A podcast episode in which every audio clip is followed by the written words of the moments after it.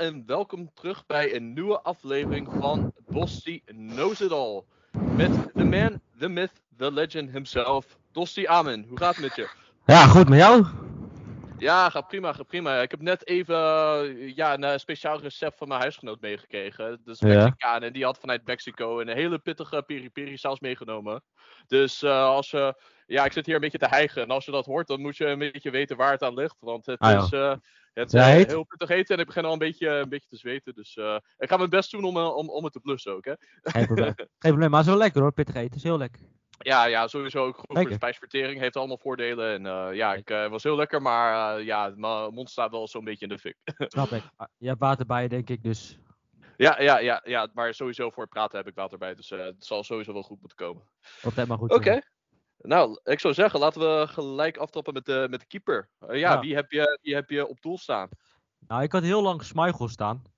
En meestal ben ik dan een beetje aan het kijken naar wie kies ik. Weet je, elke wedstrijd bekijken die ik gekeken heb afgelopen weekend. Ga ik dan naast elkaar neerleggen, ook de samenvattingen bekijken. Ik had eerst Schmeichel opgeschreven, maar toen dacht ik, hé, ik heb eigenlijk best wel veel Premier League spelers. Dus misschien toch een klein beetje voor de mix iemand anders kiezen. En toen zag ik Koen Kasteels keeper bij Wolfsburg. En die wonnen. En hij van Union Berlin. En hij was eigenlijk de beste man op het veld. Hij hield Wolfsburg eigenlijk voor de zoveelste keer dit seizoen, maar ook in de seizoenen ervoor, hield hij Wolfsburg ja, eigenlijk op de been. Met een paar hele, hele goede reddingen. En ook vorige week tegen Gladbach was hij de beste man. En ook deze week weer. En daarom heb ik hem gekozen, omdat hij en een nieuw hield en in een belangrijke zege tegen Union Berlin. Dat hij dus de ploeg eigenlijk op de been hield. En daarom heb ik gekozen voor Koen Kasteels. Ja, en ik vind de Castells altijd wel een interessante. Want eh, ik weet, voor heel lang was het bij België zo dat Courtois natuurlijk de nummer 1 was. Simon Ja. Mignolet de nummer 2 en Castells de nummer 3. Als, Ja. als hij er überhaupt bij zat. Maar denk je dat Castells nu, zeg maar, Mignolet, dat hij zijn plek heeft ingenomen? Dat hij echt de, de nummer 2 is? Is een beetje aas op de nummer 1 plek van Courtois? Ja, het, het mooie is natuurlijk wel, want Courtois was natuurlijk... Vroeger waren zij natuurlijk keeper van Genk, hè, uit, de jeugd, uit de opleiding van Genk. En het was zo, dat het mooie was... Courtois en Kasteel stonden allebei op, op de foto. was een keer een foto, toen was Courtois echt nog een kop kleiner. Courtois moest echt groeien, hè. Courtois die moest erin groeien, die, moest, die was eigenlijk heel klein. Totdat hij moest groeien en dat soort dingen. Werd eigenlijk Kasteels gezien als de next big keeper bo- boven Courtois. Eigenlijk was Kasteels degene die eh, werd aangewezen als hij wordt eh, uiteindelijk de eerste keeper van België en hij werd hoger aangeschreven. Nou ja, Courtois die kwam dus onder de lat terecht in die play-off waar Genk uiteindelijk kampioen werd. Hij daar zo goed deed. Heeft dus bij Atletico daar gekiept, bij Chelsea. En Kasteels is natuurlijk via, kijk voor je Hoffenheim, daar heeft hij het niet zo goed gedaan. Daar heeft hij ook geblesseerd geraakt. Heeft hij het WK 2014, heeft hij daardoor ook gemist omdat hij toen geblesseerd raakte. Is toen naar Werder Bremen gegaan, heeft daarna zijn carrière opgebouwd. En nu bij Wolfsburg doet hij het nu een jaar, twee jaar heel goed. Mark van Bommel, toen hij daar nog zag, zat, heeft hem ook neergezet als een van de beste keepers uit de Bundesliga. Want was ook zo de eerste speeldag, was hij ook weer heel belangrijk tegen Bochum thuis. Die won Wolfsburg met 1-0. En toen werd hij eigenlijk al geprezen. Aanvoerder gemaakt, hij is nu aanvoerder. En eigenlijk doet hij het nu zo verschrikkelijk goed. Ja, je kan hem eigenlijk niet meer negeren als tweede doelman. Kijk, Courtois is de beste doelman van de wereld. Ik heb Courtois vorige week gekozen in het elftal. Maar ja, Courtois is gewoon in mijn opinie de beste keeper van de wereld. Die zal ongetwijfeld eerste keeper blijven bij België. Maar je kan niet meer om Kasteels heen als tweede keeper. En je gaat natuurlijk dezelfde situatie krijgen als Kasteels. Of bij, eh, kijk, bij Duitsland hadden we natuurlijk Neuer en Ter Stegen. Ja goed, je hebt natuurlijk twee hele goede keepers bij België. Maar ja goed, voor mij is Kasteels wel zo, heeft hij zich zodanig bewezen in een grote competitie. En in de Bundesliga al jaren. En ook dit seizoen een hele stabiele factor. Dan is hij natuurlijk, vind ik, wel tweede keeper achter Courtois op het WK. Ja, nou ja, ik, eh, ik ben ook eh, gecharmeerd van hem. En ik ben benieuwd of hij dan een eh, stap hoger gaat maken. Maar ja, wa- wa- wat is de mogelijkheid voor hem? Misschien een club uit de Premier League of wat denk je? Ehm, nee, ja. Lastig om dat allemaal even niet zomaar te beslissen. Maar ik denk dat hij sowieso wel. Goed, als je kijkt, Dortmund heeft natuurlijk net die nieuwe keeper. Dortmund, Dortmund had, had een goede optie kunnen zijn. Want vorig jaar had Dortmund natuurlijk problemen met keepers en met Boerki die daar. En Hiets, die. nu hebben ze natuurlijk wel met uh, Kobo gewoon een prima keeper. Hm. Eh, als je gaat kijken naar wie ze nog meer. Ja, goed, Leipzig heeft natuurlijk Gulashi. Dus en als je gaat kijken naar die hebben, die hebben natuurlijk allemaal wel goede keepers in de Premier League. Ja, ja het is lastig om dat 1 2 die bepalen, maar misschien. dat die- Southampton, de, die eh, twee keepers daar, die hebben aflopende contracten. Misschien is dat een optie. Ja, ik weet niet per se of je Wolfsburg moet verlaten voor Southampton. Natuurlijk, je speelt in een grote competitie, maar je doet het natuurlijk eigenlijk al vrij goed bij Wolfsburg. En meestal speel je bij Wolfsburg ook wel om Europees voetbal. Nou is dat dit seizoen iets minder. Maar ja, goed, hij, ze hebben natuurlijk vorig jaar de Champions League gehaald. Jaren daarvoor hebben ze natuurlijk heel slecht gepresteerd, hè, Wolfsburg. Ze zijn natuurlijk van ver gekomen. Maar als je een stap gaat zetten, ja, misschien ergens in de Serie A, dat heb je ook wel eens. Dat je misschien ergens dat je Serie A. Nou goed, Inter gaat natuurlijk nu een nieuwe keeper binnenhalen met Onana. Maar het is even heel lastig. Misschien in Napoli, als je kijkt, ze hebben Ospina. Ja, misschien dat hij bij Napoli aan de slag kan. Maar vooralsnog, ja, ik vind dat hij daar wel, dat hij daar wel op zijn plek is. En ja. als hij kan misschien een stap maken. Alleen, ja, het is natuurlijk wel lastig om dat nu even zo snel te bepalen bij welke club. Maar het is wel een keeper die bij veel clubs onder lat kan staan. Want hij doet het erg goed. Is aanvoerder van de club. Doet het daar uitstekend. En ja, presteert heel goed. En is eigenlijk een hele belangrijke factor bij een toch Wolfsburg dat niet heel geweldig draait dit jaar. Zeker niet in vergelijking met vorig jaar. Is hij natuurlijk wel iemand die een vrij stabiele uh, niveau houdt daar. Ja, dat is zeker zo. En uh, ja, misschien krijgt hij inspiratie van zijn uh, oude teamgenoot Wout Weghorst. Die wel Wolfsburg ja. niet voor, voor Burnley. Maar misschien kunnen we dan ook gelijk doorpakken, nu we het toch over Engelse clubs hebben. Met je rechter centrale verdediger. Of in jouw formatie is dat eigenlijk, kan het ook een back zijn. Maar ja. wie heb je daar staan? Ja, ik speel eigenlijk meestal, het is een driemansformatie, maar ik speel meestal, staat er gewoon een rechtsback als derde centrale verdediger. En dan, ik heb eigenlijk gewoon één CV gekozen. Voor de rest een rechtsback, linksback en één CV. Dat is dan, normaal gesproken als je dat ziet, denk je dat er zijn drie centrale verdedigers. Maar voor mij is dat gewoon twee rechtsbacks en linksback en een CV. Maar mijn rechtsback, ja, het is heel vreemd. Ik had bijvoorbeeld ook kunnen kiezen voor Reece James. Goal assist. Sowieso die, die goal van hem, dat hij daar draait, draait. Hij krijgt wel alle ruimte, maar hij, hij draait links, rechts en dan schiet hem echt prachtig erin. Op een gegeven moment ook een assist. Je zou zeggen, ja, je had hem kunnen kiezen, maar ik heb gekozen voor Trent, omdat ik ik ben wel echt gecharmeerd van Trent. Dat vind ik wel echt een rechtsback. En daar kan ik echt, daar kan ik echt van genieten. Als je kijkt, eigenlijk in de eerste helft gelijk al, in ieder geval had een vrije trap.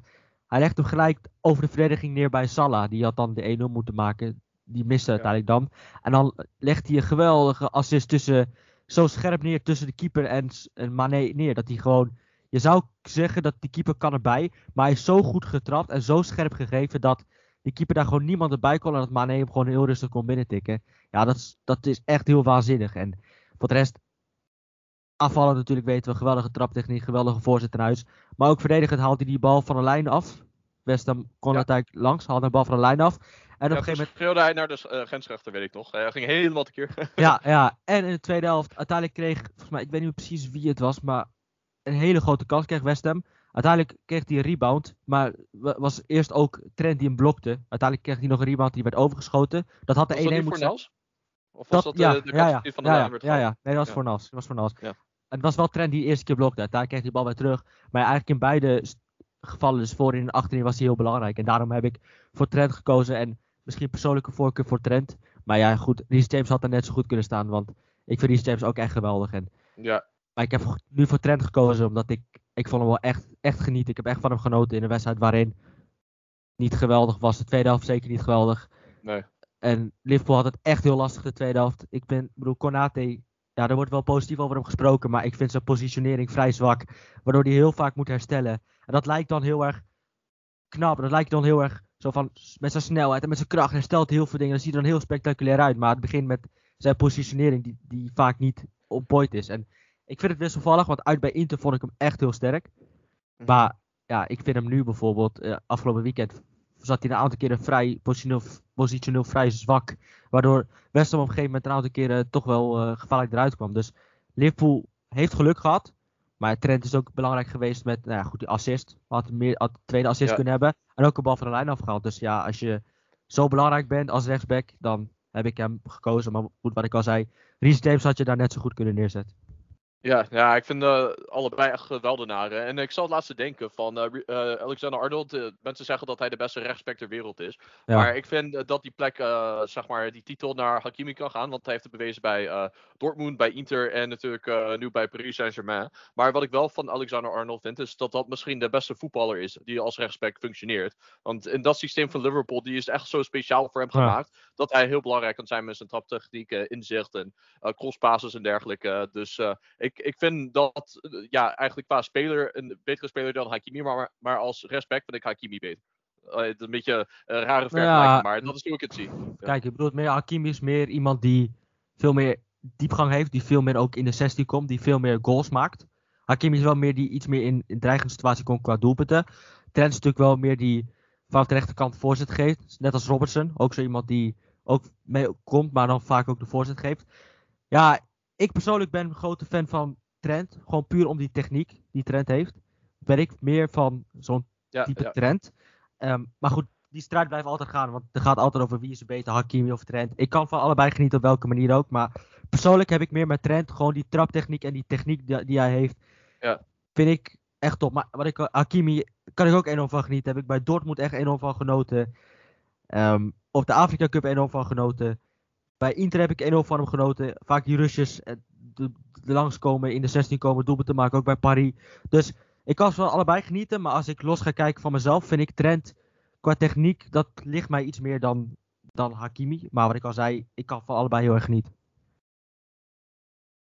Nou ja, wat ze zegt, beauty is in the eye of the beholder. Maar ja, laten we vooropstellen dat het allebei geweldenaren zijn. Ja, nee, ja. Ik ga met je mee. Ik vind, ik vind echt dat, dat, dat, ze allebei echt te genieten zijn om Zeker. naar te kijken. Maar Rhys James ook. Ja. Rhys James ook. En, ja, ja, Rhys James ook. En Rhys James natuurlijk ook... Die, kan, die, die speelt als wingback. Heeft natuurlijk de kracht. Heeft de snelheid. En ja, ook iemand die ook in de 16 kan komen. En ook tweebenig is. En dat, dat viel mij ook op. Want in de wedstrijd tegen Newcastle schoot hij met links in de kruising en schoot hij met rechts in de kruising. Dat ik dacht, zo, je bent eigenlijk ook nog tweebenig dus. Dus ja, dat was toch ook tegen Juventus toen hij scoorde. Dat was ook volgens mij met zijn linkerbeen, als ik me niet vergis. Ja, maar dat viel me vooral op in die wedstrijd tegen Newcastle. Dat hij, dat hij toen twee keer scoorde. En dat één keer met de links, één keer met rechts. Dus dat was wel, oh, ja, zo, ja, je bent wel, je bent tweebenig. Dus ja, er lopen natuurlijk heel veel goede backs rond bij Engeland. Hè. Trippier is ook weer zo'n, ook zo iemand die geweldige traptechniek heeft in huis. Eigenlijk ook een beetje een trend Alexander Arnold die ook een uh, goede voorzet kan geven aan de rechterkant.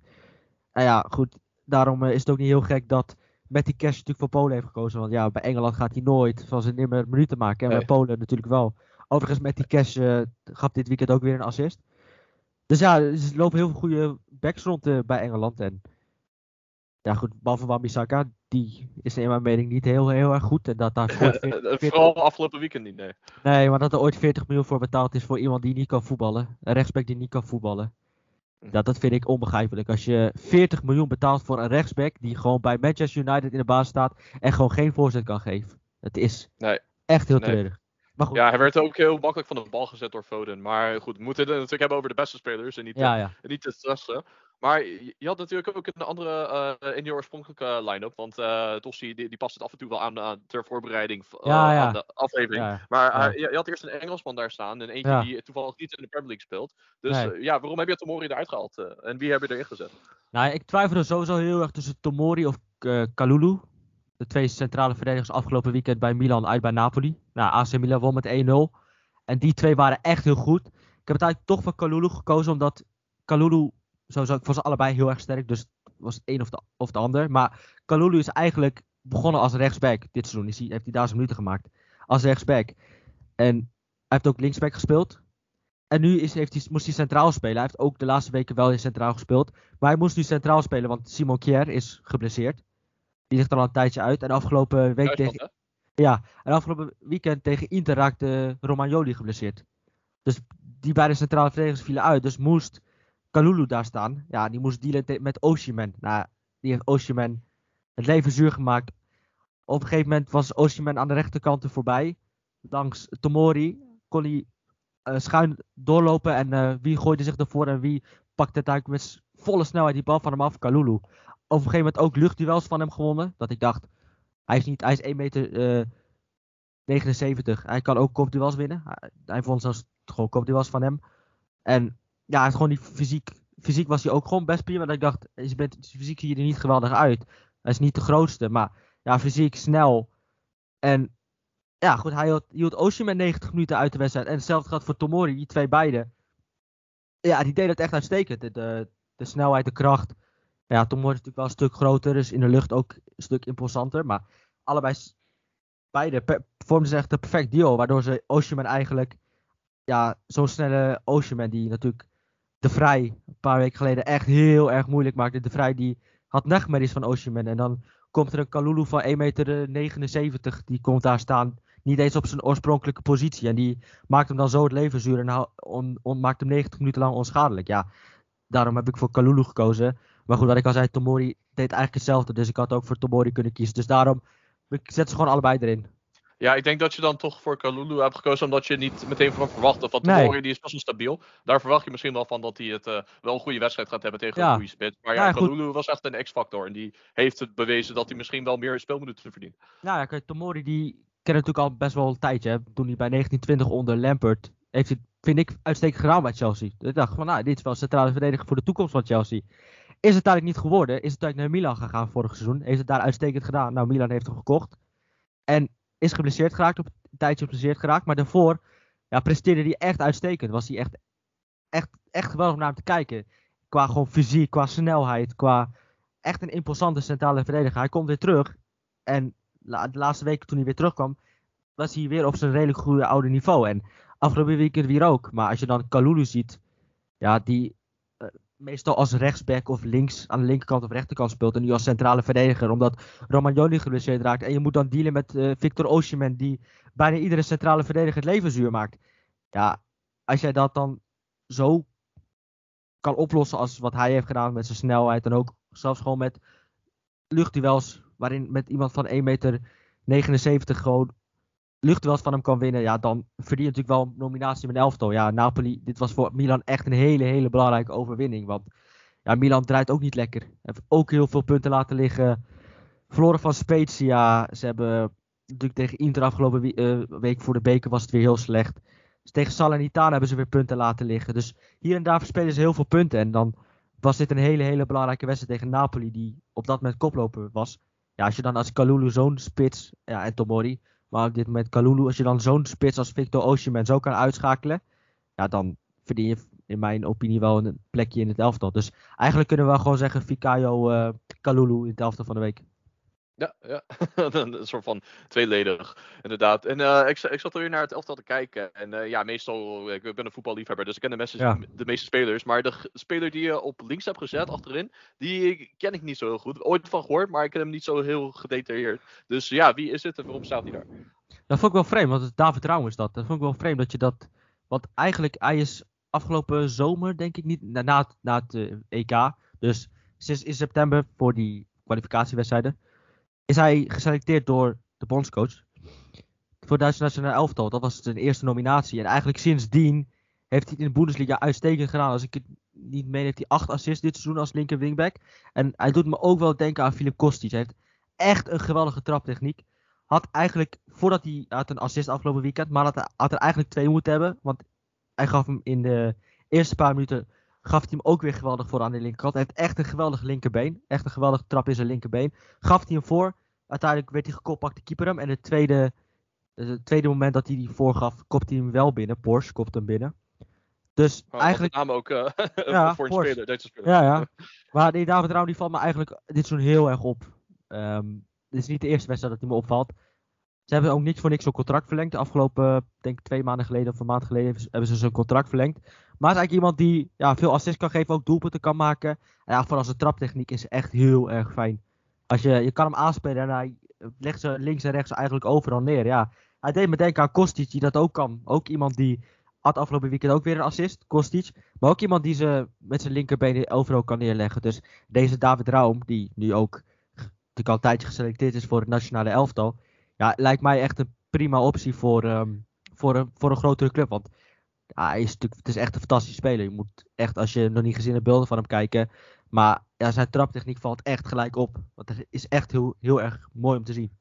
Oké, nou ja, het is uh, goed om nieuwe spelers te ontdekken. En uh, ja, ik, ik, denk dat ik ooit zijn naam uh, hoorde vallen toen Robin Goossens gebaseerd raakte en niet geselecteerd kon worden. Dus denk je dat het misschien wel een concurrent van hem kan worden voor Duitsland? Ja, zeker. Zeker, want hij, ik denk dat Kostic is, of Kostic bedoel, Goossens, Gozes. Gozes is iemand die iets meer in de 16 komt. Iets meer doelpunten maakt. En deze Rauwens heeft iets meer die traptechniek. Iets die verfijning in de traptechniek.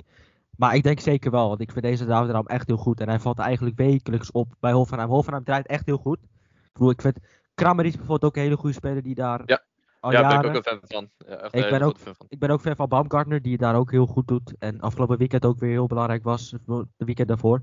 Dus bij Hoffenheim lopen er heel veel goede spelers. Ja, Bibu, en je hebt natuurlijk Router, die uh, jonge Fransman. Die daar ja. als, als talent ook prima cijfers haalt en ook prima doet. En ja, deze David Raum is aan de linkerkant een hele belangrijke factor. Waar Kostic een hele belangrijke factor is voor Eintracht Frankfurt aan de linkerkant met zijn traptechniek, is deze David Raum het. En ja, hij valt me eigenlijk elke keer op en dit weekend ook weer met een assist. Dus ik dacht, ideaal moment om hem nu te selecteren, want ja, het was wel een speler waar ik graag over wilde hebben. Want deze David Raum is echt wel een speler om in de, in de gaten te houden voor ja, aankomende WK met Duitsland. Ja, het zou me niet verbazen als hij gewoon de vaste links, linksback wordt. Of van Duitsland of misschien wingback. Ik weet niet hoe uiteindelijk Duitsland gaat spelen uiteindelijk op de WK. Want ja, Duitsland speelde natuurlijk afgelopen EK met, met wingbacks. Kimmich toen als rechter wingback en Gozes als linker wingback. Dus uiteindelijk, ja, deze David Raum gaat zeker uh, zijn minuten maken in Duitsland. En ik denk ook dat hij wel een stap gaat maken naar de, naar een grotere club in de Bundesliga. Misschien wel in de Serie A. Het zou in de Serie A ook misschien wel uh, met wingbacks. De Serie A speelt ook, ook heel veel met wingbacks. Zou je daar ook prima passen? Ja, ik ben benieuwd uh, wat er in de toekomst gaat gebeuren. Uh, maar we staan natuurlijk nu aan de linkerzijde van, uh, ja, van die elftal van de week. En ik zie ook dat je van, voor een viermans middenveld hebt gekozen. Ja. Dus wil je eigenlijk gelijk links beginnen, daar doorgaan, of wil je naar de rechterkant gaan? Maar ja, dit is, jij mag bepalen. Oké, ik doe mijn ogen dicht en dan ga ik wijzen. Ja, oké, ja, rechter, ja, wat zou het zijn? Rechter middenvelder. Ja. ja, daar moet je niet op letten, want ik zet, uh, ik zet gewoon vier middenvelders neer. Of het nou een linker centrale, midden, of linker centrale middenvelder is of een linksmidden. Dat maakt op zich niet zoveel uit. Soms staat er een rechtsmidden daar neer. Of soms staat er een rechter centermid daar neer. Maar ik heb volgens mij nu echt gekozen voor vier echt pure centrale middenvelders. In plaats van ook op linksmidden en rechtsmidden. Maar volgens mij uh, Luka Modric. Ja. En Luka Modric is, wordt, deze, dit, wordt dit jaar 37. Ja, en ongelooflijk hè. het is echt ongekend wat voor niveau hij haalt. Het is, het is bijna dat je gewoon in je ogen moet wrijven wat voor niveau hij haalt. Het tempo, het, zijn acties, maar ook gewoon het, elke keer het gevoel hebben voor ruimtes. Elke keer, je ziet hem ook elke keer zoeken naar ruimtes, bewegen naar ruimtes. Elke keer als, hij, als hij een paas geeft, weer bewegen op zoek naar de vrije ruimtes. Ziet alles, heeft een geweldige trap in de benen, geweldige dribbel. Geweldig schot, ziet alles. Eigenlijk is het gewoon de man die alles bepaalt op, in het midden bij Real Madrid. Je hebt de Kroos die. En Casemiro, de Casemiro is degene die meer alles bewaakt. Maar ook echt aan de bal echt prima is. Dat verbaasde me eigenlijk wel eerder dit seizoen. Dat ik zag. Dat ik dacht, oh, Casemiro heeft ook gewoon echt een geweldige paas in de benen. Ja, Kroos is degene die de opbouw een beetje verzorgt. En Moot is eigenlijk een beetje die overal een beetje beweegt. Hè? Een beetje op zoek naar ruimtes. Ruimtes creëert. Ruimtes creëert voor, tegen, voor medespelers. Nou ja, goed. De bal ook overal kan neerleggen. En ja, hij schoot hem afgelopen weekend. Hij kreeg wel al ruimte, maar schoot hem echt, echt schitterend in de hoek. En op het moment dat Real Madrid het nodig had, want er stonden 1-1, het werd 2-1. En ja, Luka Modric is eigenlijk al jaren mijn favoriete middenvelder. En op een gegeven moment was hij wel dat je dacht, zou het nog wel gaan? Hè? Iedereen dacht, het middenveld van Real Madrid is dat niet te oud. Zeker op het moment toen ze van Ajax verloren in die Champions League. Dat iedereen dacht, Overigens vond ik Modric die wedstrijd ook erg goed. Uh, natuurlijk blijft, blijft iedereen blij bij dat Modric door Frenkie de Jong eigenlijk op, zich, op de grond werd uh, liet vallen. Maar in die wedstrijd vond ik hem trouwens ook, ook gewoon prima. Maar ja, hij heeft eigenlijk sinds die coronacrisis, toen, uh, toen we in de zomer gingen voetballen, weer gingen voetballen nadat de maanden stil lag, heeft hij eigenlijk heeft hij eigenlijk Real Madrid bij de hand genomen, heeft hij weer zijn oude niveau gehaald. Want na het WK was hij erg vermoeid. Hij kwam, erg, hij kwam erg vermoeid terug van het WK. En hij speelt natuurlijk echt een geweldig WK. Daardoor won hij ook de ballen door. En hij was vermoeid. En er was ook sprake van misschien dat hij naar Inter zou gaan of hij zou vertrekken. En eigenlijk heeft hij sinds de, ja, de coronacrisis. Heeft hij eigenlijk zijn niveau weer gehaald. En eigenlijk is hij steeds beter geworden. En ja, ja hij, Real Madrid. We hebben eigenlijk. Real Madrid kan gewoon niet zonder Modric. Want hij. Hij ziet alles. Hij doet alles. Hij, ik heb op een gegeven moment ook gewoon gezien dat hij even een bal komt veroveren en dan gewoon weer door. Hij, overal is hij. Hij is links, rechts, verovert de bal. Je kan altijd een bal aanspelen, want hij is slim. Hij ziet alles. Hij denkt altijd een stap na. Beweegt elke keer. Weet elke keer waar de ruimtes liggen. Tegenstanders krijgen nooit vat op hem. En ja, hij is eigenlijk dit jaar, vind ik, de beste. Ik vond hem zeker. Nou, zoals een van de beste middenvelders is hij sowieso van de wereld. Maar als je gaat kijken naar hoe hij dit jaar gestart is, vond ik hem misschien, vind ik hem misschien wel de beste middenvelder van dit jaar voorlopig. Ongelooflijk. Um, op 37 uh, jaar bijna, bijna 37. Als je, dit kan, ja.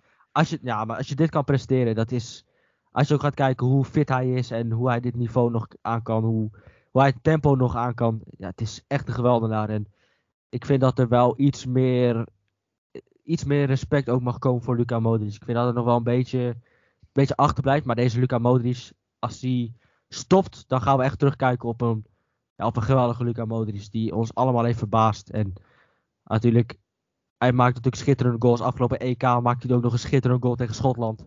Klopt. En ja, ik kijk eigenlijk heel vaak Real Madrid en dan ga ik zitten en dan ga ik gewoon Modric kijken. En dan weet ik, dat komt allemaal weer goed. Want geef Modric de bal maar en hij verzint er wel, hij maakt er echt weer, weer iets prachtigs van. Het is gewoon echt de kunstenaar op het veld. Ja, ja daar, uh, daar stem ik uh, zeker in mee. En uh, ja, nu we het toch over Luka Modric ik zat te denken, in zijn eerste seizoen weet ik toch dat de Real Madrid fans niet heel gecharmeerd van hem waren. Ze zeiden dat hij een mislukkeling was. Tot die wedstrijd tegen Manchester United op Old Trafford. Met die discutabele rode kaart voor Nani. Toen scoorde hij dan de 2-1, waardoor ze dan uh, United hadden uitgeschakeld en gelijk doorgingen. Ja. Dus uh, eigenlijk was dat een beetje dat kantelpunt voor hem. Vanaf dat moment werd hij alsmaar beter, beter, beter. Ja. En ja, uiteindelijk ja, gouden bal gewonnen. En zelfs, ja. ja, weet je, de echt de beste middenvelders van de afgelopen 20, 25 jaar. En Iniesta, Xavi, die hebben het gewoon allebei niet gewonnen. En Luka Modric heeft dat dan wel. Dus denk Zeker. jij dat hij in dat rijtje hoort? Als uh, echt absolute toplegendes op die positie? Nou, ik denk dat hem misschien wel iets tegen zit dat hij natuurlijk met Kroatië niet veel gewonnen heeft. Hè? Kijk, Spanje werd wereldkampioen, Europees kampioen, achter elkaar. Dat is natuurlijk wel iets meer status, geeft het ook wel met zich mee dan Kroatië, die natuurlijk in 2018 geweldig toernooi heeft gespeeld, maar natuurlijk de finale heeft verloren. Maar ik, als je gaat kijken naar wat hij levert, dan mag je, kan je hem wel vergelijken met die middenvelders. Want het is, hij is echt heel erg goed. En als je ziet dat hij op zijn 36e, het lijkt wel alsof er gewoon geen, alsof hij gewoon niet verslijt. Het, is, het, blijft maar gewoon dezelfde Luka Modric als, het blijft, het blijft gewoon verbazen, weet je wel. Hij wordt bijna 37 en dat, zo ziet hij er echt niet uit als je hem ziet op het veld. Want hij had net zo goed 23 kunnen zijn, want hij is topfit en hij kan het is echt geweldig. Het is echt heel geweldig. En ja, je kan hem voor mijn part echt wel met die middenvelds vergelijken. Want wat hij laat zien is natuurlijk wel echt heel erg knap. Nee, nee. Ja, nou ja, ik, uh, hij heeft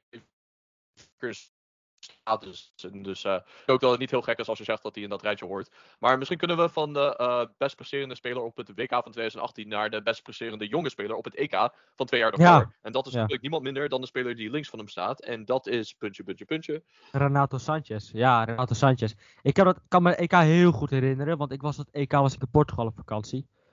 En we waren toen eigenlijk voor Portugal, want Nederland deed niet mee. Dus je gaat daar gewoon staan. We gingen daar op het plein staan dan word je op een gegeven moment gewoon word je meegesleurd. En dan word je, ga, je gewoon, ja, ga je gewoon voor Portugal zijn. En dan ga je daar staan met een Portugees vlaggetje. En ik heb toen ook een Portugees shirt gekocht.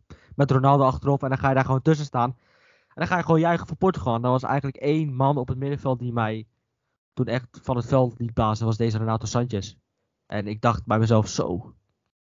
Nou, deze Renato Sanchez die eh, gaat een flinke carrière tegemoet. Nee, hij ging naar, naar uh, Bayern München. En daar, uh, daar heeft hij uiteindelijk. Um, ja, natuurlijk, daar lopen zoveel goede middenvelders rond. Hij heeft het daar niet gemaakt. En ik denk misschien wel, als je gaat kijken naar.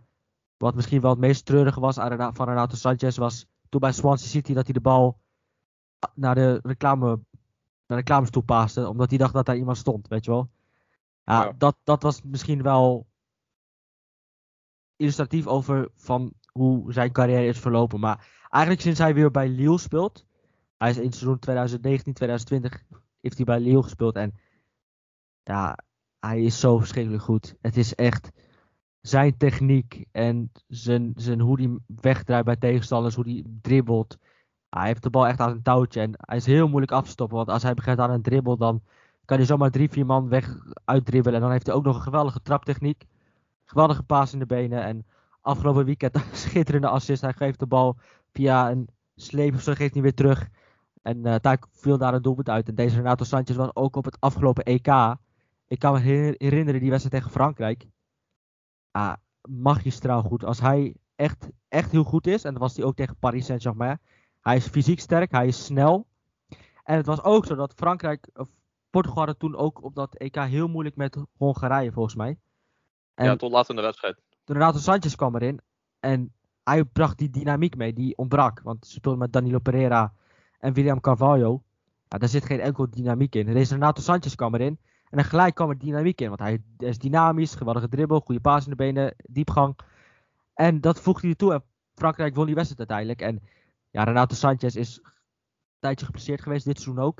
En eigenlijk sinds hij terug is, ja, is hij gewoon, houdt hij echt een heel hoog niveau weer in het afgelopen weekend. Ja, je moet, ik zou je echt aanraden om die, om die samenvatting terug te kijken. Want die, die tweede assist van hem, hoe hij die bal teruggeeft. Ja. ik, ik vind het sowieso wel, sinds hij bij Lille speelt, kijk ik heel graag wel naar hem. Want ik vind het echt een geweldige speler. En hoe hij dribbelt, hoe hij zijn fysiek gebruikt, hoe hij paast. Want hij legt ze echt geweldig neer overal links. Achter de verdediging kan hij neerleggen.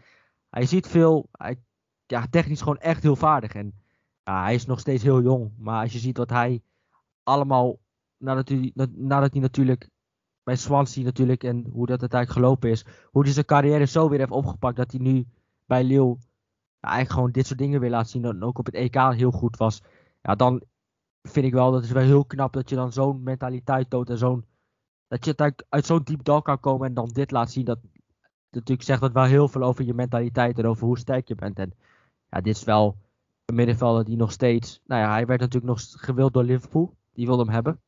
Dit is echt absoluut een middenvelder die gewoon een stap kan maken in, naar een topclub. Want hij heeft gewoon wel echt heel veel. Hij heeft die fysiek, hij heeft die dynamiek, hij heeft de, hij heeft de techniek heeft hij ervoor. Hij heeft een geweldige paas in de benen. Dus hij heeft wel echt heel veel voor een middenvelder. En ja, ik wil hem wel graag zien in de Premier League bijvoorbeeld weer. Want ik denk dat hij daar wel kan excelleren.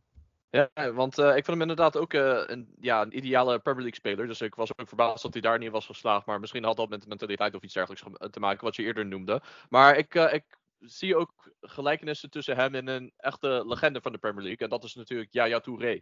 Hij heeft, er zijn een paar elementen. Hij heeft misschien iets minder dat kracht. Hij is wel sterk, maar Yaya Touré was echt een monster. Maar ik zie gewoon echt heel veel overeenkomsten tussen die twee. Dus ik denk zeker in Liverpool met dat systeem van Klopp, dat het uh, een hele goede optie voor hem zou zijn. Ja, Liverpool heeft natuurlijk wel, qua middenveld is het wel, vind ik het wel matig. Ze spelen vaak met Nabi Keita die af en toe goede wedstrijd speelt, maar ik ben niet heel overtuigd van Nabi Keita. Nou goed, als je deze Renato Sanchez op die plek neerzet. Met Fabio, met Fabio op het middenveld, die natuurlijk de boel regelt achterin. Die dit is natuurlijk ook heel sterk is bij Liverpool. Afgelopen weekend ook weer heel sterk is, had ik op zich ook weer kunnen kiezen deze week. Maar ik denk als je hem op die plek van Nabi Keita neerzet, daar heb je veel meer dynamiek, techniek en ja, veel meer voetballend vermogen. Als je hem daar dan neerzet. Ja, natuurlijk. En je hebt ook Thiago die goed is aan de bal. En uh, ja, er zijn spelers die gewoon ja, niet betrouwbaar zijn. Nabi Keita is veel te inconsistent en vaak gebaseerd. En Henderson is een beetje over zijn top uh, heen. En ja, Oxlade Chamberlain is eigenlijk niet goed genoeg. En hetzelfde geldt voor nee. Jones, naar mijn mening. Dus uh, ja, ik vind inderdaad dat als hij dan naar Liverpool zou gaan, dat hij meteen in de basis zou staan. En dat het echt goed zou lopen daar. Ja, ja het is natuurlijk wel even afwachten. Want wat ik al zei, wat ik vaak zeg, Premier League is natuurlijk een heel hoog niveau. En dan bij Liverpool kom je echt op een heel hoog level. Maar ja, wat hij laat zien, en ook op het EK laat zien. En ja, wat ik al zei, ik vind het gewoon heel knap hoe je eigenlijk zo, eigenlijk gewoon, als je ziet wat hij bij Swansea, ja, hoe er over hem werd gesproken. En iedereen dacht bij hem, hij kan het gewoon niet meer. Terwijl, dat je dan zo weet te herpakken, ja, dat is echt heel knap. Dat zit, je mentaliteit is zo, je kan zo, ligt je mentaliteit zo hoog. En dan ben je zo niet van je, van je kunnen te krijgen. Als je, als je dat allemaal kan doorstaan en dan weer zo jezelf kan terugvinden en dit laat zien. Ja, als je, hij laat eigenlijk nu al weken een hoog niveau zien en hij is eigenlijk al weken ja, echt een vitale speler en een geweldige speler voor Lille. En ja, ik zou je aanraden om in ieder geval die samenvatting aan te kijken aan, aan iedereen. Want ja, daar zie je echt Renato Sanchez op zijn best. En je kan overal op internet kan je allemaal Renato Sanchez intypen. En dan krijg je allemaal weer van die uh, twee, drie minuutjes beeld waarvan je ziet dat Renato Sanchez uh, iedereen uitdribbelt. En zijn techniek en zijn kracht en zijn passing. En dan zie je hoe compleet die is en hoe geweldig het is om te zien hoe die drie, vier mensen passeert. Of even, even wegdraait bij een tegenstander. En dan dat soort dingetjes, weet je wel. Dat, dat soort kleine dingetjes, daar kan je echt van genieten. En dat zie ik bij hem terug. En daar kan ik echt enorm van genieten. Nou, laten we maar snel doorgaan naar de eerstvolgende middenvelder uh, die erbij staat. En uh, het is iemand waar ik toevallig heel erg gecharmeerd van ben. Dus ja, uh, ja Dossi, brand los. Wie is het? Nicolo Barella. Ja, we gaan eigenlijk niet, we verminderen niet qua middenvelders. Weet je wel, we blijven op een heel hoog niveau. Nee. Want, want, ja, Nicolo ja. Barella. En ja, ik, ik had eigenlijk Lautaro Martinez kunnen kiezen, want hij had een hat-trick. Maar ik wist eigenlijk gelijk al van, oké, Barella, die is zo goed. Dat ik gelijk al wist na 20 minuten, ik noteer Nicolo Barella op. Want ik wil het heel graag over Nicolo Barella hebben. Want, ach man, wat was hij goed afgelopen weekend. Afgelopen vrijdag, ik, ik, ging ervoor zitten en ik dacht, Inter had iets van 6, 7 wedstrijden achter elkaar niet gewonnen. En ik dacht, ja, wat gaan we krijgen? Want ja, Barella was een tijdje uit vorm. En dan zie je dat Barella, die goed speelt en in vorm is, ja, dat is een wereld van verschil. Dan krijg je zoveel meer dynamiek. Zoveel meer voetbal zit erin. Het tempo gaat zo omhoog. En dan de ballen die, die daar neerlegt. Steekpaasjes door het midden. Hij twee assists en twee voorassists. Ja, hij weet gewoon wanneer hij de bal moet geven. Hij kan, hij kan het versnellen, hij kan het vertragen, hij kan het moment vinden wanneer hij hem moet geven. Hij weet waar de ruimtes liggen. Hij is technisch ijzersterk. Dus op een gegeven moment had hij de bal en ja, hij gewoon heel makkelijk even drie, vier man voorbij dribbelen. Dat ik dacht, ja, dat gaat zo simpel. Dat ziet er zo simpel uit. En dan ook gewoon weer de juiste oplossing weten te vinden. Ja. En ook een speler die overal staat, hè. Weet je, een speler die links, rechts, linksback, links, rechtsback, in de 16 van de tegenstander, in zijn eigen 16. Hij staat overal. En iemand die ja, heel veel werk verricht voor het team, aan de bal uitstekend is, dynamisch is, technisch vaardig. En ja, hij komt ook heel vaak in de 16 en hij maakt dit soort meer goals en geeft meer assists dan wat hij daarvoor deed. En dat was ook wel een pre van de trainer, van Inzaghi, van Lukaku is vertrokken. We moeten onze goals nu gaan strijden. Ja. Dus Nicola Barella, jij moet nu ook meer, meer rendement vertonen. Nou ja, goed. Maar, geef al, ja, dat hoort, ook een beetje, dat hoort ook een beetje bij zijn positie. Ja? Want eh, voor de mensen die niet kennen, hij speelt in Mazzala. Dat is een soort uh, Italiaanse vertaling van uh, halve buitenspeler. Dus half ja. noemen ze dat. En daarom komt hij dus ook vaak in de 16. En, en scoort hij ook vaker. Gewoon omdat dat is wat van een Mazzala wordt verwacht. Maar ik zou zeggen, voor een Mazzala is hij ook gewoon echt een hele, hele goeie. Want ja. ik heb in, in het verleden heb ik nog nooit zo'n talent gezien als Barella op die positie. Het is echt, echt geniaal hoe hij speelt. Als hij dan inderdaad, wat je zegt, zijn topvorm bereikt. En niet zo inconsistent is als ja, eerder in het seizoen. Maar je ziet het ook gelijk. Het, niveau van Inter is gewoon, gaat zo omhoog als hij goed speelt. Als hij gewoon niet goed speelt, dan gaat het, gaat het gewoon niveau en het tempo van Inter zo omlaag. En als hij gewoon het niveau haalt, dan gaat het tempo ook gewoon een stuk hoger. Want hij bepaalt ook echt het tempo daar ook gewoon. Met hoe hij het spel versnelt. Hè? Weet je wel, de paas die hij geeft. Op een gegeven moment geeft hij gewoon, heeft hij de bal en dan geeft hij gewoon een steekbal door het midden. En dan zet hij Lautaro voor de goal en is het de doelpunt. Weet je wel, dat doet hij dan eventjes binnen een seconde bedenkt hij dat, ziet hij dat, voert hij het uit. Ja, dan is het doelpunt voor Inter. Ja, als Barella dat niet doet, ja, dan zit je weer, uh, ga je weer terug en dan ga je weer links en ga je weer breed en dan is die ruimte misschien weg. En dat hij dat dan ziet en hem geeft en ook nog goed geeft en versnelt. Ja, dat kan, je, dat, kan dat ene, twee kleine momentjes zijn waar je even een tempoversnelling doet en waardoor gelijk een doelpunt valt, weet je wel. En dat miste ik wel bij Barella en daar heb ik wel echt van genoten. En ook op een gegeven moment hoe die ja, hij stuurde Gozes weg. Hij kreeg de bal. Gozes ging diep. En hij, op het juiste moment gaf hij maar Gozes. Die gaf een breed. En toen scoorde Zeko. Op een gegeven moment ook bij de 5-0. Dumfries ging er overheen. Barella wachtte tot Dumfries op het juiste moment ging. Dumfries ging, erop, ging er overheen. Barella geeft op het juiste moment. Dumfries kon hem toen voorgeven. Ja, doelpunt. Dus twee, twee assists op Lautaro Martinez. En dan ook nog twee voorassists. Ja, ik heb echt van hem genoten. En ik wist gelijk al van. Ja, dit is de Barella die ik gemist heb. En je ziet ook gelijk Inter wint met 5-0. En dat is geen toeval. Dat Inter met 5-0 wint en dat Barella uitblinkt. Want ja, dat is gewoon zo'n cruciale speler. En Brozovic is cruciaal, want er is geen enkele speler zoals Brozovic bij Inter die gewoon de man is, voor de, die de man is die de spel verdeelt. Zo'n speler heeft Inter niet. Dus Brozovic is echt vitaal. Maar deze Barella is ook ontzettend vitaal. En ja, ja goed. Ze spelen straks over een kwartier tegen, tegen Liverpool, als we dit nu aan het opnemen zijn. En het zou zomaar eens kunnen dat als Barella dit meeneemt van afgelopen weekend, dan kan het zomaar eens kunnen zijn dat er misschien. Kijk, ik zal waarschijnlijk zelf verschut zetten, want dit wordt waarschijnlijk later gepubliceerd. Dus waarschijnlijk heeft Inter met 5-0 verloren straks, bijvoorbeeld. Maar het zou best wel kunnen dat Barella gewoon misschien wel voor een kleine remontada gaat zorgen. Als hij dit niveau vasthoudt, dan ja, want Inter was in die eerste wedstrijd helemaal niet slecht tegen Liverpool. Nee, nee, tot in de laatste paar minuten toen viel het een beetje als een kaart Ja, die goals waren, die, zeker die tweede goal, die, uh, die viel wel heel makkelijk. Ja, dat was verdedigen niet heel sterk. En de Vrij... een jaar had hem uh, van richting ja, veranderd. De Vrij wordt, werd gezegd, van hij doet dit zo misschien niet heel goed. Maar afgelopen weekend vond ik hem echt heel goed. Dus misschien dat, ja, als zeker Barella dit niveau en te vrij, en als alles een beetje past, dan zou het zomaar kunnen zijn als Inter vroeg scoort, dat we nog wel gekke dingen kunnen gaan krijgen, zoals toen met uh, de tegen Atletico, Liverpool Atletico toen, op een vol ja. Ja, dus... Ja, en, en, en, inderdaad, op dat moment. Ja, en hopelijk zijn we ook uh, op tijd klaar, zodat we dan daar op die Zeker. van kunnen nee, dat komt, dat komt wel goed. Maar ik denk, dus, ik denk dus wat ik al zei, ik, ik het zou me niet verbazen als, als Barella vanavond een hoofdrol speelt en dat Inter toch nog doorgaat. Denk het niet, maar het zou me niet verbazen. Nou ja, uh, wishful thinking natuurlijk, maar het zou wel leuk zijn als er gebeurt. Maar ja, ik zie al, echt als je naar dat elftal kijkt, we gaan echt van de ene gewelden naar, naar de ander. Dus ja, welke uh, middenvelder heb je op links staan? Je laatste middenvelder. Ja, dat is ook niet de eerste de, de beste, hè? Het is uh, Kevin de Bruyne. Ja. Ja, ja bizar, bizar, hè? In, in, in een derby, twee goals assist. Ja, de Bruyne is natuurlijk een tijdje geblesseerd geweest, hè? Dit seizoen ook. En Klopt, ja. Hij kwam terug, hè? Die wedstrijd tegen, volgens mij, was tegen Chelsea toen hij die winnende maakte. En ja, afgelopen weekend weer. Natuurlijk, hij scoort twee keer. Hij komt twee keer goed in de 16. Hij scoort twee keer heel goed. Tweede goal zat heel veel geluk bij die bal twee keer van een speler van United uiteindelijk eh, via voeten, uiteindelijk in de voeten van de Bruyne kwam. Hij schoot hem binnen. Maar die assist op de, de Maris natuurlijk. Hoe de manier hoe Maris het afmaakt was echt prachtig. Die schoot hem echt geweldig erin. Maar ja, de Bruyne is een paas weer. Hè, hoe die hem daar dan weer perfect neerlegt. Ja, eigenlijk als medespeler weet je gewoon als de Bruyne hem voorlegt voor jou in de 16. Hoef je alleen maar tegenaan te lopen. Want hij legt ze toch wel perfect voor je neer. En ja, hij heeft een geweldige traptechniek. En hij ziet heel veel. En ja, hij zijn traptechniek is wel heel erg mooi. En als je ziet hoe, hoe hij ze daar neerlegt. Ik kan me nog momenten herinneren dat hij een bal zo'n curve gaf. Dat hij gewoon aan die rechterkant geeft hem voor.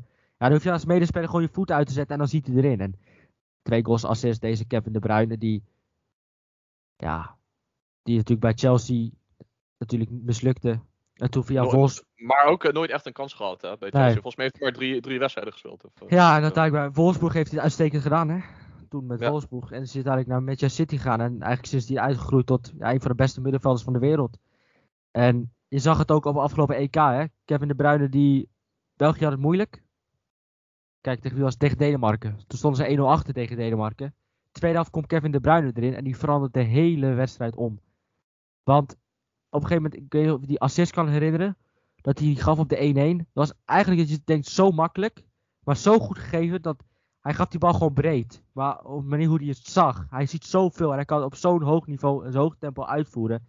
Het is zo'n geweldige middenvelder. En ja, we hebben natuurlijk al geweldige middenvelders gehad. Maar dit is echt een middenvelder die echt in die ja. lijst thuis wordt als een van de beste middenvelders van de wereld. En ja, hij, hij, heeft natuurlijk vorig jaar of twee jaar geleden, ik weet niet precies meer, heeft hij de assistenrecord van Henry volgens mij geëvenaard. Ge ja, geëvenaard, klopt. Um, ja, dat doe je natuurlijk ook niet zomaar. Want Kevin, deze Kevin nee. de Bruyne heeft natuurlijk enige geweldige trap in de benen qua schotten. Hij maakt heel veel geweldige doelpunten. En ook zijn traptechniek met paasjes en met dingen zien. Hij legt ze overal neer. Op een gegeven moment, even kijken, was het de eerste helft van, gaf hij hem op veel foden. En gaf hij hem echt zo'n zo'n zo'n effectballetje. Gaf hij hem ja, zo, echt zo'n boogbal dat, ja. Ja, echt zo'n effectbal. Gewoon dat je echt denkt van, hoe geeft hij het? Gewoon, dat, dat verzin je gewoon niet. Gewoon, er zat zoveel gevoel in. Hij legt zoveel gevoel in de trap. En gewoon we hebben het over Modric en kunst. Ja, deze De Bruyne die zorgt, geeft ook kunst mee. Eigenlijk aan iedere bal die hij geeft zit een idee achter, zit een boodschap achter. En ja, hoe hij dit doet, dat, nou, natuurlijk dat boogballetje, dat geweldige effectballetje. Maar hij legt ze overal nergens neer en hij ziet alles. En ja, vrije trappen, schitterend. Dus het, heeft gewoon, de trap is gewoon een hele, hele, hele, hele gevaarlijke wapen. En ja, afgelopen weekend natuurlijk weer enorm goed. Maar goed, ja. City Bernardo Silva was heel goed. En ik heb vooral genoten van die link-up tussen Bernardo Silva en Grealish en Cancelo. Ja, oh ja, die was heel goed. Vooral bij de eerste, eerste doelpunt was dat uh, heel duidelijk zichtbaar. Ja, nou, die linker was echt heel goed. En het was eigenlijk een van de eerste keer dat ik Grealish echt zag van zo, nou. Ja, een beetje de Aston Villa uh, ja. Ja, en ja, goed. eindelijk een beetje weer terugkomen. Ja, en Cancelo had natuurlijk misschien doelpunt van het jaar kunnen maken met die schitterende... Ja, ja met, met die omhaal. Halve ja, omhaal. en en ja, Rodri ook weer fantastisch. En ja, City, altijd, ja. ja, Rodri sowieso wat opstartproblemen gehad toen hij bij City kwam. Maar zeker dit seizoen is hij echt magistraal goed. En dat middenveld van City, als je ziet dat ze ook nog Gundogan kunnen brengen. Ja, het is gewoon... Ze hebben natuurlijk punten laten liggen. Hè, wat, wat je soms denkt van, het is gek dat Ajax natuurlijk zoveel punten heeft laten liggen. Maar eigenlijk ook best wel vreemd dat City nog... Thuisverlies van Crystal Palace bijvoorbeeld. Ja, bijvoorbeeld. En uit 1-1 tegen Southampton. Dus ze hebben wel punten laten liggen, weet je wel. Ook tegen Tottenham thuis, weet je wel. Dat je denkt van... Dat zijn wel punten die, die duur zijn. Maar uiteindelijk denk ik wel dat City gewoon kampioen wordt met, met dat materiaal. En, ja, het is haast niet voor te stellen dat ze niet worden. Maar ja, je, weet, je weet maar nooit. Nee, je weet het nooit. En soms natuurlijk City verspeelt wel eens punten. Maar het, het gebeurt zelden. En dan de wedstrijden daarna die ze winnen, die winnen ze ook echt vrij overtuigend. Ja, dat is, uh, dat is zeker waar. En ik vond het mooi hoe je eerder zei dat, uh, dat er echt kunstenaars op het middenveld zijn, zoals Modric en De Bruyne. Ja. Dus ja, je hebt dan met Modric en Rembrandt, je hebt dan met uh, De Bruyne en Van Gogh. Maar misschien ja. kunnen we gelijk doorgaan naar de, naar de aanvallers, de echte killers. Dus ja, welke, welke killers hebben we erin staan? om te beginnen met rechter, rechter buitenspeler. Ik heb Romain Favre gekozen. En ja, Romain Favre heb ik ook benoemd in de transfers van de, het elftal van ja, de transfers. Ja, zeggen, dat zijn een oude bekende van ons. Uh, ja. Vanuit de eerste aflevering, ja. en Romain Favre die bij Stade Brest heel goed heeft gedaan. Overigens wordt zijn rol nu uitstekend vervuld door Gonoga, die daar ook heel goed doet. Die deed het daar uitstekend, maar nu Romain Favre weg is, neemt hij eigenlijk de honneurs waar. En dan is Romain afgelopen weekend uh, twee goals. De eerste goal kreeg hij hem iets wat geluk mee, maar hij schoot hem goed binnen. En de tweede ging je heel goed diep. En eigenlijk voor de goal gewoon heel rustig over de keeper stiftend. Weet je wel, gewoon. Je, je hebt wel eens spelers die dan voor de goal komen en dan niet weten wat ze doen. En dan hard tegen de keeper aanschieten, weet je wel. Maar met gevoel die bal even rustig over die keeper heen wippen. Ja, dan zie je ook wel zijn kwaliteiten die hij heeft. En technisch zo'n zo vaardige voetballer. Weet je wel, waar je gewoon geen grip op kan krijgen. Als hij eenmaal begint met voetballen, dan. Ja, het is gewoon echt een geweldige speler om naar te kijken. En assist, scorend vermogen. En het is niet heel gek dat Lyon hem heeft gehaald. Natuurlijk, Shakiri heeft daar echt helemaal niks gepresteerd. Dus nu naar de MLS. Ja, nu hebben ze echt iemand gehaald die ook veel rendement met zich meebrengt. En ja, ook met zijn acties gewoon voor heel veel dreiging zorgt. En met zijn passing en goals. Nou ja, goed. Afgelopen weekend twee goals gemaakt. En daar heeft hij eigenlijk al gelijk meer gedaan dan Shakiri in de afgelopen half jaar toen hij bij Lyon heeft gezeten. Dus ja, deze Roman Favre, die, toen ik zag dat hij naar Lyon ging, ja, vond ik dat een hele sterke zet. En hij maakt het voorlopig waar. En dit is wel weer een speler waarvan ik denk, volgende Franse speler die zomaar weer eens uh, over een paar jaar weer een uh, naam kan maken voor zichzelf. Want ik vind het echt een geweldige speler. Nou, hij heeft zijn nationaliteit mee, want uh, Frankrijk, daar, ze hebben echt een overvloed aan talenten. En al twintig jaar lang of zo. Dus ja. Laten, we, ja, laten we misschien ook gelijk doorgaan met je, je, spits. En dat is eigenlijk een speler die een beetje gevoelig ligt. of de, ja, de feit dat je hem hebt gekozen. Want hij heeft afgelopen weekend gescoord tegen zijn oude werkgever. Dus ja, wie heb je, wie heb je daar staan? Daar heb ik eigenlijk niet eens over nagedacht trouwens. Dat heb ik eigenlijk nog niet eens. Ja, nee, dat klopt. Ik heb gekozen voor Danny Ings. Ja, Aston Villa tegen Southampton werd 4-0. En nou, ik had eigenlijk. Goed... eigenlijk, want Southampton was lekker op dreef voor een tijdje. Ja, Southampton was uh, vrij goed bezig hè, met uh, James Ward-Prowse, die daar uh, het erg goed doet. Romeo, die het daar heel goed doet. Maar ik heb, ja, ik heb gekozen voor, voor Ings, omdat ik dacht van ik wil wel een spits erin zetten. Anders had ik voor Coutinho gekozen. Want ik vond Coutinho, ja, zo briljant weer, Coutinho. Maar daar gaan we zo meteen over hebben. Maar Danny Ings, ja, eigenlijk bij de eerste goal dat hij de bal krijgt, dat hij wegdraait. En dat hij hem uiteindelijk geeft op Ollie Watkins, die hem uiteindelijk prima inschoot. En op een gegeven moment, kijken, hij gaf, hij gaf de tweede helft, was een assist op Coutinho, gaf hij hem. Was een heel moeilijk assist, maar hij gaf hem echt een heel klein tikje mee, want de bal kwam aan de rechterkant. En hij gaf hem voor op Coutinho. Was best wel moeilijk, want er stonden veel mensen omheen. Maar hij gaf hem toch, toch goed op de juiste snelheid mee. Coutinho die schoot dan uiteindelijk binnen was het zijn tweede assist. En op een gegeven moment met die cash die ik vorige week benoemde en zei dat hij aanvallend sterker is geworden. Want ik vond hem verdedigend, vond ik hem toen hij kwam vorig jaar bij Aston Villa, viel me vooral op in de duels met de aanvallers. En ik vond hem dit seizoen meer ook aanvallend betrokken. Nou ja, afgelopen weekend had hij dus weer een assist. En hij schoot hem heel goed binnen. Dus goal en twee assists. En hij had ook Ivan Tony kunnen kiezen. Maar goed, die had dan wel twee penalties. Die schoten hem overigens allebei wel heel goed binnen. Maar eigenlijk wilde ik Coutinho hebben. En uiteindelijk was Danny, lag Danny het dichtst bij Coutinho. Hè, dezelfde spelers. Dus ik wilde wel een spits hebben. Want om nou drie, drie aanvallers te kiezen en dan geen enkel spits. Dat vond ik dan wel een beetje. Dat zag niet heel erg mooi uit. Dus ik dacht, ik kies Danny Ings. Maar uiteindelijk wilde ik het toch over Coutinho hebben. Als je het volgt. Nee, ja, ja, dat uh, heb je wel duidelijk door laten schemeren, inderdaad. Uh, maar um, ja, vanwege het feit dat je voor Ings hebt gekozen, uh, kon je dus niet voor Coutinho kiezen. Maar daardoor is een speler, ja, eigenlijk van mijn club, waar ik die hard supporter van ben, is ja, dan wel naar boven gekomen en die staat ja. erin. Dus ja, welke Arsenal-speler heb jij in het elftal gezet? Nou, als ik nog even over Coutinho door mag gaan, voordat ik uh, ga op jou spelen. Ah, ik vind wel, ik vind heel, kijk, Coutinho heel knap, want bij Bayern München, hij ging naar Bayern München, heeft hij daar niet zo geweldig heeft het daar oké okay gedaan, maar niet super goed. Nou, natuurlijk bij Barcelona. Ja, wel de Champions League gewonnen. Maar, ja, de Champions League gewonnen. En natuurlijk in die wedstrijd tegen Barcelona als invalbeurt twee keer gescoord. Uh, bij, bij, bij Barcelona is het gewoon niet geworden. Dit seizoen dacht je misschien dat die, maar uiteindelijk ook niet.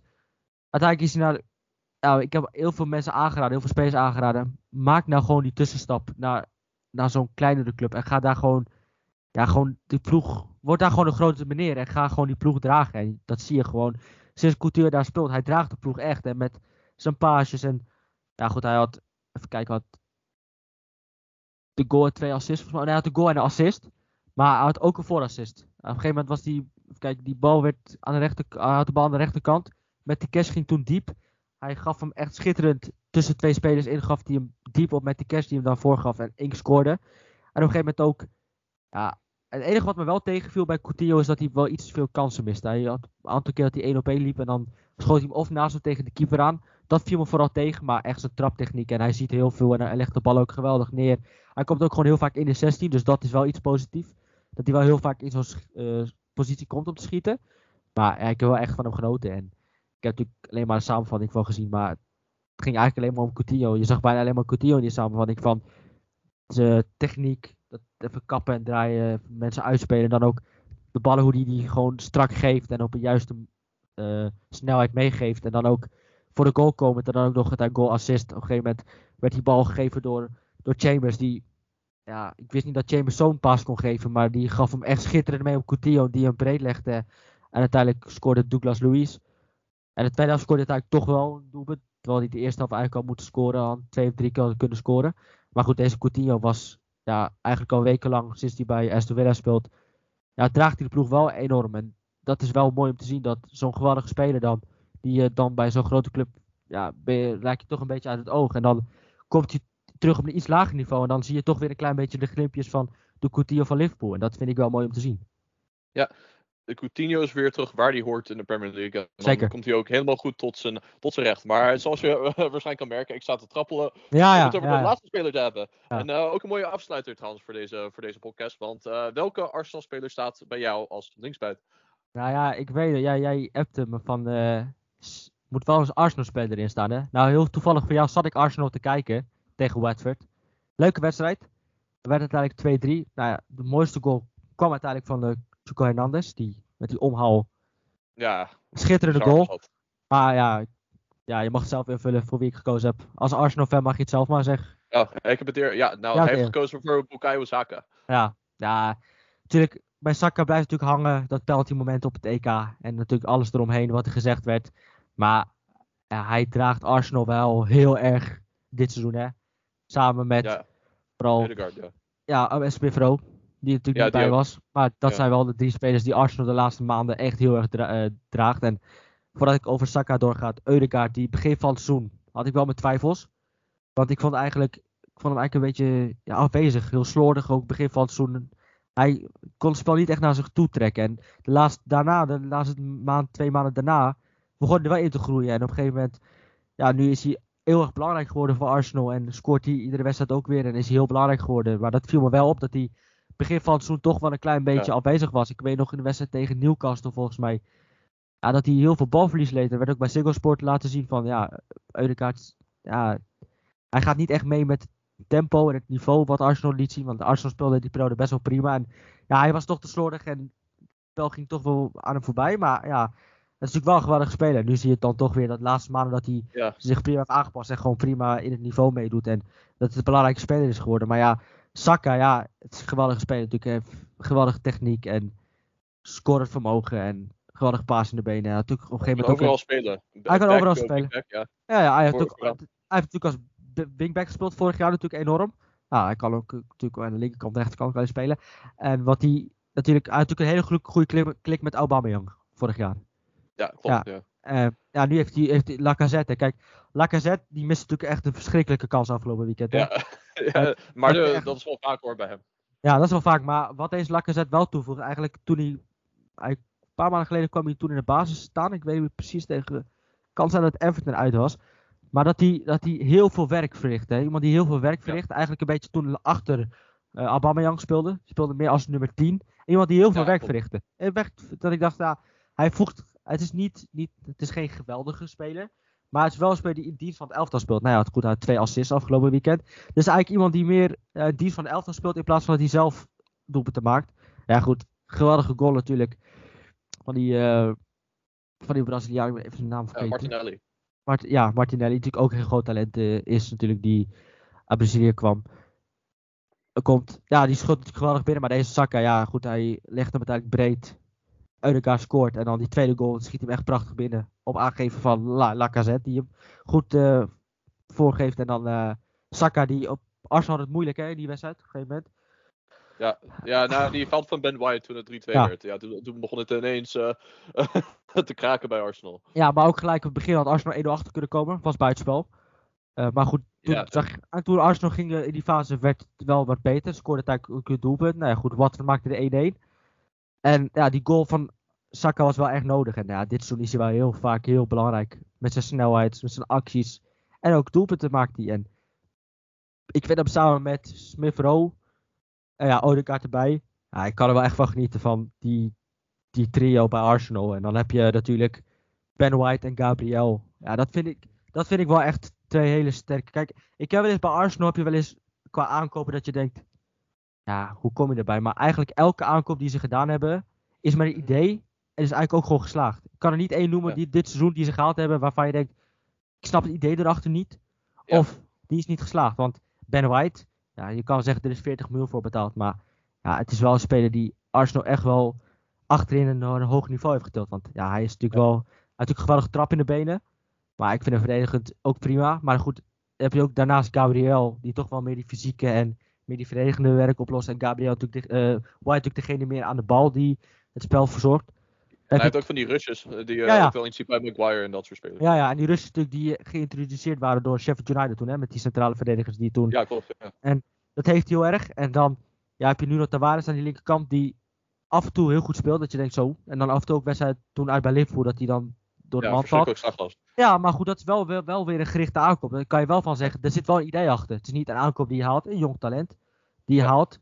Um, en goed, Thomas Party die het ook prima doet. Hè. Op een gegeven moment ook moest, een periode dat hij ook even wat minder Ja. speelde. Maar Nou ja, week- behalve schieten. Als, zolang hij maar geen schot op doel heeft. eh, Nee. Of ja, poging op doel, dan, eh, dan is het een prima speler. Maar ik vind hem zeker, de laatste maanden vind ik hem echt wel prima. En dan heb je Saka die eigenlijk gewoon, gewoon te dom is om eigenlijk gewoon... Ik vind het een geweldige speler, maar hij is gewoon veel te dom. En, en Ja. Hij is gewoon veel te dom en maakt gewoon hele domme overtredingen, pakt domme kaarten.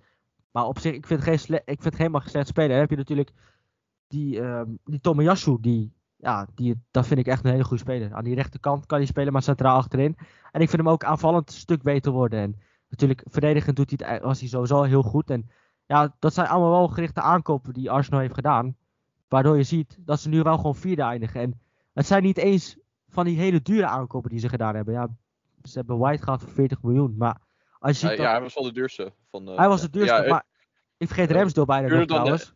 Ja, ja, die had je ook nog. En Eudegaard was zelfs goedkoper dan White. Net iets goedkoper, volgens Ja, mij 5 ja, goed. Engelse centerback, dan krijg je dat natuurlijk. Ja. Maar ja, ook Ramsdale, ja, dat vind ik een hele goede aankoop geweest. Want Ramsdale heeft natuurlijk uitstekend gedaan toen bij Bournemouth. Hij is gedegradeerd. Bij Sheffield United is wel gedegradeerd. Maar ik vond eigenlijk bij Bournemouth wel echt uitstekend. Dat ik dacht, zo, dit is wel een hele keeper. Viel me wel echt enorm op. Dat ik denk, nou, dit is wel een keeper. Nou, Bournemouth zou degraderen. Dus ik had wel verwacht dat we hem in de Premier League zouden zien. Nou ja, goed, hij is dit seizoen. Ja, ik, zeg natuurlijk Smith Rowe en, en Saka maar, en Eudegaard. Maar deze kan je er prima bij zetten. Want hij is elke week weer heel belangrijk voor Arsenal. En heel veel wedstrijden ook. Ik kan me uit Leicester City nog herinneren dat hij een vrije trap pakt. En dat je denkt, van, die kan je gewoon niet pakken. Maar hij is gewoon zo verschrikkelijk goed. En ja, dat zijn allemaal aankopen die ik hier noem. Die Arsenal gewoon, ja, je kan toch wel heilig stellen dat, ondanks dat het misschien wel gevaarlijk is, dat die vierde plaats nu wel heel dichtbij is. Als je kijkt naar, als, Ja. Het gat is wel flink. Als Arsenal het wint, het gat kan het gat 9 punten worden. Ja, dat is wel, en als je ziet hoe Arsenal speelt. Ja. het is wel voor op dit moment om Arsenal supporter te zijn. eh, Je hebt heel lang geleden, maar het is ook wel een genot om nu Arsenal supporter te zijn. Omdat je ziet heel veel jong talent doorkomen. En met Smith Rowe, met Saka en. Met Ben White achterin. Ja, het, het voetbal is ook uitstekend. Want ik heb echt genoten van Arsenal. Ze speelden echt uitstekend. En Ja, het is, eh, lijkt een beetje weer eh, die Wenger-jaren, hè? Ja, ja, Dat, eh, en- begin je steeds terug te zien. in de commentaar zei ook van het is toch meer iets meer die, die oude tijden herleeft. En ik dacht van ja, het werd heel goed gevoetbald. Een goed combinatiespel. Ze vonden elkaar uitstekend. Veel beweging zat erin. En het leek echt, echt ergens op. En Ik denk toch dat het heel knap is wat Ateta gepresteerd heeft. Vroeger toch iets meer uit dat. Uh, in die momenten natuurlijk dat jaar dat ze die uh, FA Cup wonnen. Dat ze natuurlijk tegen ploegen als Liverpool en City. Dat ze echt heel erg verdedigend stonden. Waren dat ze vooral dat ze echt uit de counter voetbalden. Is nu aan de bal laat ze ook hele mooie dingen zien. En ze kunnen zelf ook gewoon prima voetballen. En het ziet er gewoon echt uitstekend uit, Arsenal. En ja, Arsenal gaat denk ik gewoon Champions League halen. En dat, dat moet gewoon kunnen. En ik denk ook dat Arsenal dat moet uitspreken. En dat, dat ze daar ook voor moeten gaan. Als ze dat uiteindelijk niet halen, is het gewoon een mislukt seizoen. Als je ziet waar ze nu staan. En dat is toch heel knap. ze niet meer meedoen om prijzen. Dus ja, dus uh, top 4 is absoluut een must, uh, vind ik ook. En uh, wat je zei over die aankopen, gerichte aankopen, dat heeft ook met het nieuw, nieuwe beleid te maken. wat Arteta en Edu Gaspar, dus, ja, ja. die verantwoordelijk is voor transfers, die willen gewoon jonge spelers halen die samen kunnen groeien. En dat ze dan over drie, vier jaar dan samen gewoon hele goede goede chemie hebben en dan gewoon een wereldelftal zijn. En hij heeft ook alle ego's heeft hij dan uit het team geflikkerd. Dus David Luiz, Willian en uh, laatst nog Aubameyang heeft hij er allemaal uitgegooid. Want dat zijn allemaal spelers uh, die proberen uh, privileges te krijgen en boven Arteta te staan. En dat heeft hij niet getolereerd. En um, ja, Aubameyang is denk ik wel de laatste die dan ja. een, beetje dat gedrag vertoonde. Dus ik denk dat ze nu echt kunnen bouwen aan een nieuwe toekomst. En, Zeker, en de aankopen die ze in de zomer gaan doen, zullen ook uh, lijken op de aankopen die ze vorige zomer deden. Ja, kijk, ook zo'n Tomiyasu is gewoon echt zo'n perfecte voorbeeld. Gewoon echt iemand, een teamspeler. Hè? Gewoon iemand die aan teambelang denkt, eigenlijk tot het gaatje gaat. Alleen wat ze nodig hebben is echt een spits, weet je, echt een doelpunt te maken. En, en als ze dat halen, en uh, dan heb je aan de rechterkant Saka, linkerkant Smith Rowe, op 10 Eudegaard. Misschien dat ze nog een middenvelder kunnen halen. Maar het ziet, er, het ziet er echt heel goed uit bij Arsenal. En ja, het is wel heel knap als je ziet wat ze allemaal uit hebben gegeven aan, aan mislukte transfers. Dat ze eigenlijk nu gewoon. Ja, er staat gewoon een basis en dat presteert uitstekend. En ik vind ook wel, als je ziet hoe ze begonnen dit seizoen met 0 uit 3. Dat iedereen paniek hebben. Uit bij Manchester City kwam nog in. Dat was gewoon pure paniek na afloop bij Arsenal. Van, ze werden compleet, ze werden niet vernederd, maar ze werden gewoon gedrogeerd. Want hoe ze stonden te verdedigen bij die goals, dat zie je gewoon bij de amateurs niet. En toen speelden ze ook nog achterin volgens mij uh, echt met... Uh, Pablo met Mari, Kolasinac uh, achterin. Ja, volgens speelde. Ja, dus allemaal spelers die gewoon geen basisspelers zijn. Uh, behalve Tierney. Maar voor de rest, ja. Uiteindelijk zag je toen White, White kwam en Gabriel achterin. Dat, dat is gewoon een geweldige koppel hè, met White. Wat je zei met die, die vaak diep gaat ook naar voren gaat. En zo'n voetballende vermogen. En dan heb je Gabriel toch meer de fysieke en toch meer de verdedigende. Het past allemaal perfect. En dan heb je gewoon voorin met Saka, Eudegaard en Smith Rowe ondanks dat Lacazette misschien de doelpunten niet maakt, heb je dan wel weer drie jongsters die toch wel de doelpunten maken. En ja, nu moeten ze toch echt de Champions League halen. En dat zou voor Arsenal wel echt een beloning zijn op ja, echt een geweldige transferperiode en een goed beleid die ze nu voeren. Want dat, als je eigenlijk zo'n beleid voert en je haalt dat soort spelers en je haalt gelijk in je eerste seizoen, haal je gelijk de Champions League, ja, dat, dan kan je daarop voortbouwen. Dat zou echt heel knap zijn. En grote kudos naar, naar Arsenal als ze na zo'n beleid die ze gevoerd hebben, gelijk in je eerste seizoen nadat je een nieuwe uh, pad bewandelt, dat je gelijk de Champions League haalt. Dat is wel echt heel knap, zou dat zijn.